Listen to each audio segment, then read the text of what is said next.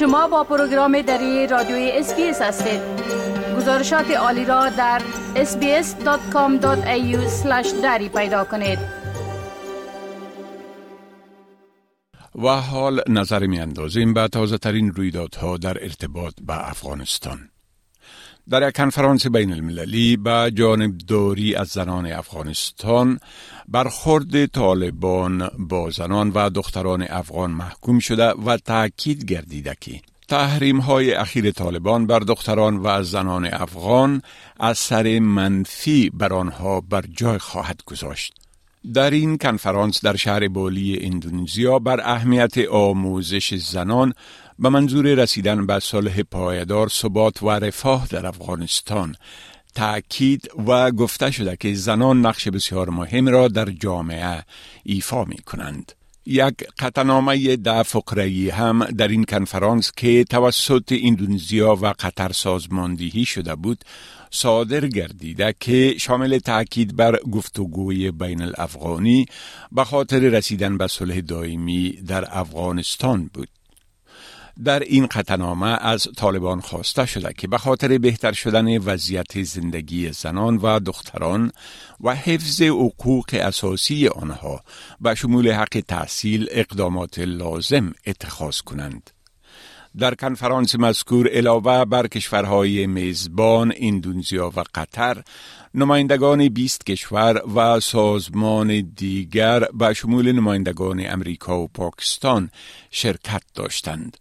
ولی کسی به نمایندگی از طالبان در آن شرکت نکرده بود. طبق یک گزارش صدای امریکا پشتن دورانه رئیس یک نهاد غیر دولتی می گوید که به حیث ناظر در این کنفرانس شرکت کرده است.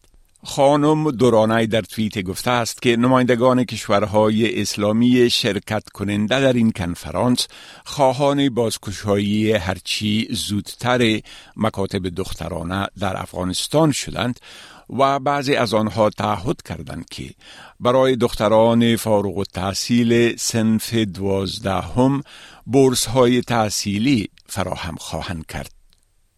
بعضی از کارشناسان سیاسی افغانستان برگزاری کنفرانس های بین المللی در مورد افغانستان را برای تعیین نیازهای این کشور و جلب توجه بین المللی به مشکلات افغانها مهم می دانند اما می گویند که اجرای تصمیمات این کنفرانس ها در افغانستان کار دشواری می باشد. این در حال است که فولکر تورک کمیشنر عالی حقوق بشر سازمان ملل متحد گفته که طالبان زنان و دختران را به طور سیستماتیک از همه بخش های زندگی راندند. آقای ترک در یک کنفرانس مطبوعاتی در ژنو گفت که محرومیت زنان افغان در دنیای امروز یک چیز استثنایی است که در جای دیگر نظیر آن دیده نمی شود. با افزایش عکس های منفی در مقابل انجام حکم قصاص در ولایت فرا مقامات طالبان از این عملشان به دفاع برخواسته و می‌گویند که قصاص فرمان خداوند است و نباید کسی درباره آن نگران باشد بلال کریمی معاون سخنگوی طالبان گفته است که قصاص در فرا پس از غور فراوان انجام شده و جامعه جهانی باید به احکام اسلامی حرمت بگذارد. آقای کریمی علاوه کرده که به خاطر اینکه قصاص مذکور کاملا در مطابقت با موازین اسلامی باشد تحقیق و بررسی های فراوان انجام شد. با تعقیب اجرای حکم قصاص در ولایت فراه عده زیادی از کشورها و سازمانهای بین المللی به شمول سازمان ملل متحد امریکا، فرانسه، ایتالیا، نروژ و سازمان عفو بین المللی به خاطر این اقدام طالبان ابراز نگرانی کرده و متوقف شدن آن را تقاضا کردند.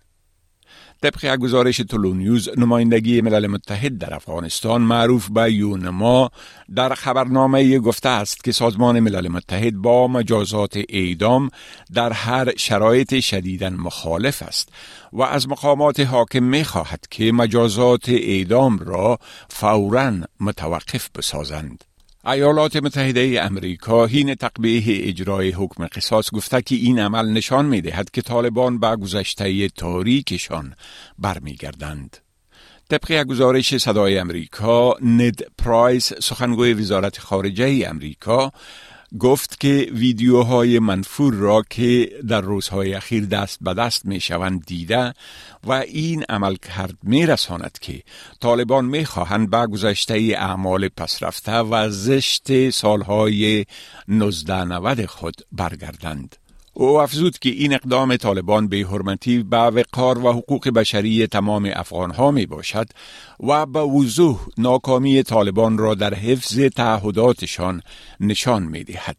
سال گذشته پس از تسلط طالبان بر افغانستان ملا نورالدین ترابی یکی از بنیانگذاران و سرپرست وزارت عدلیه رژیم سابق این گروه گفت که قوانین سختگیرانه ای که از جانب طالبان در سالهای 1996 تا 2001 نافذ شده بودند دوباره اعمال خواهند شد.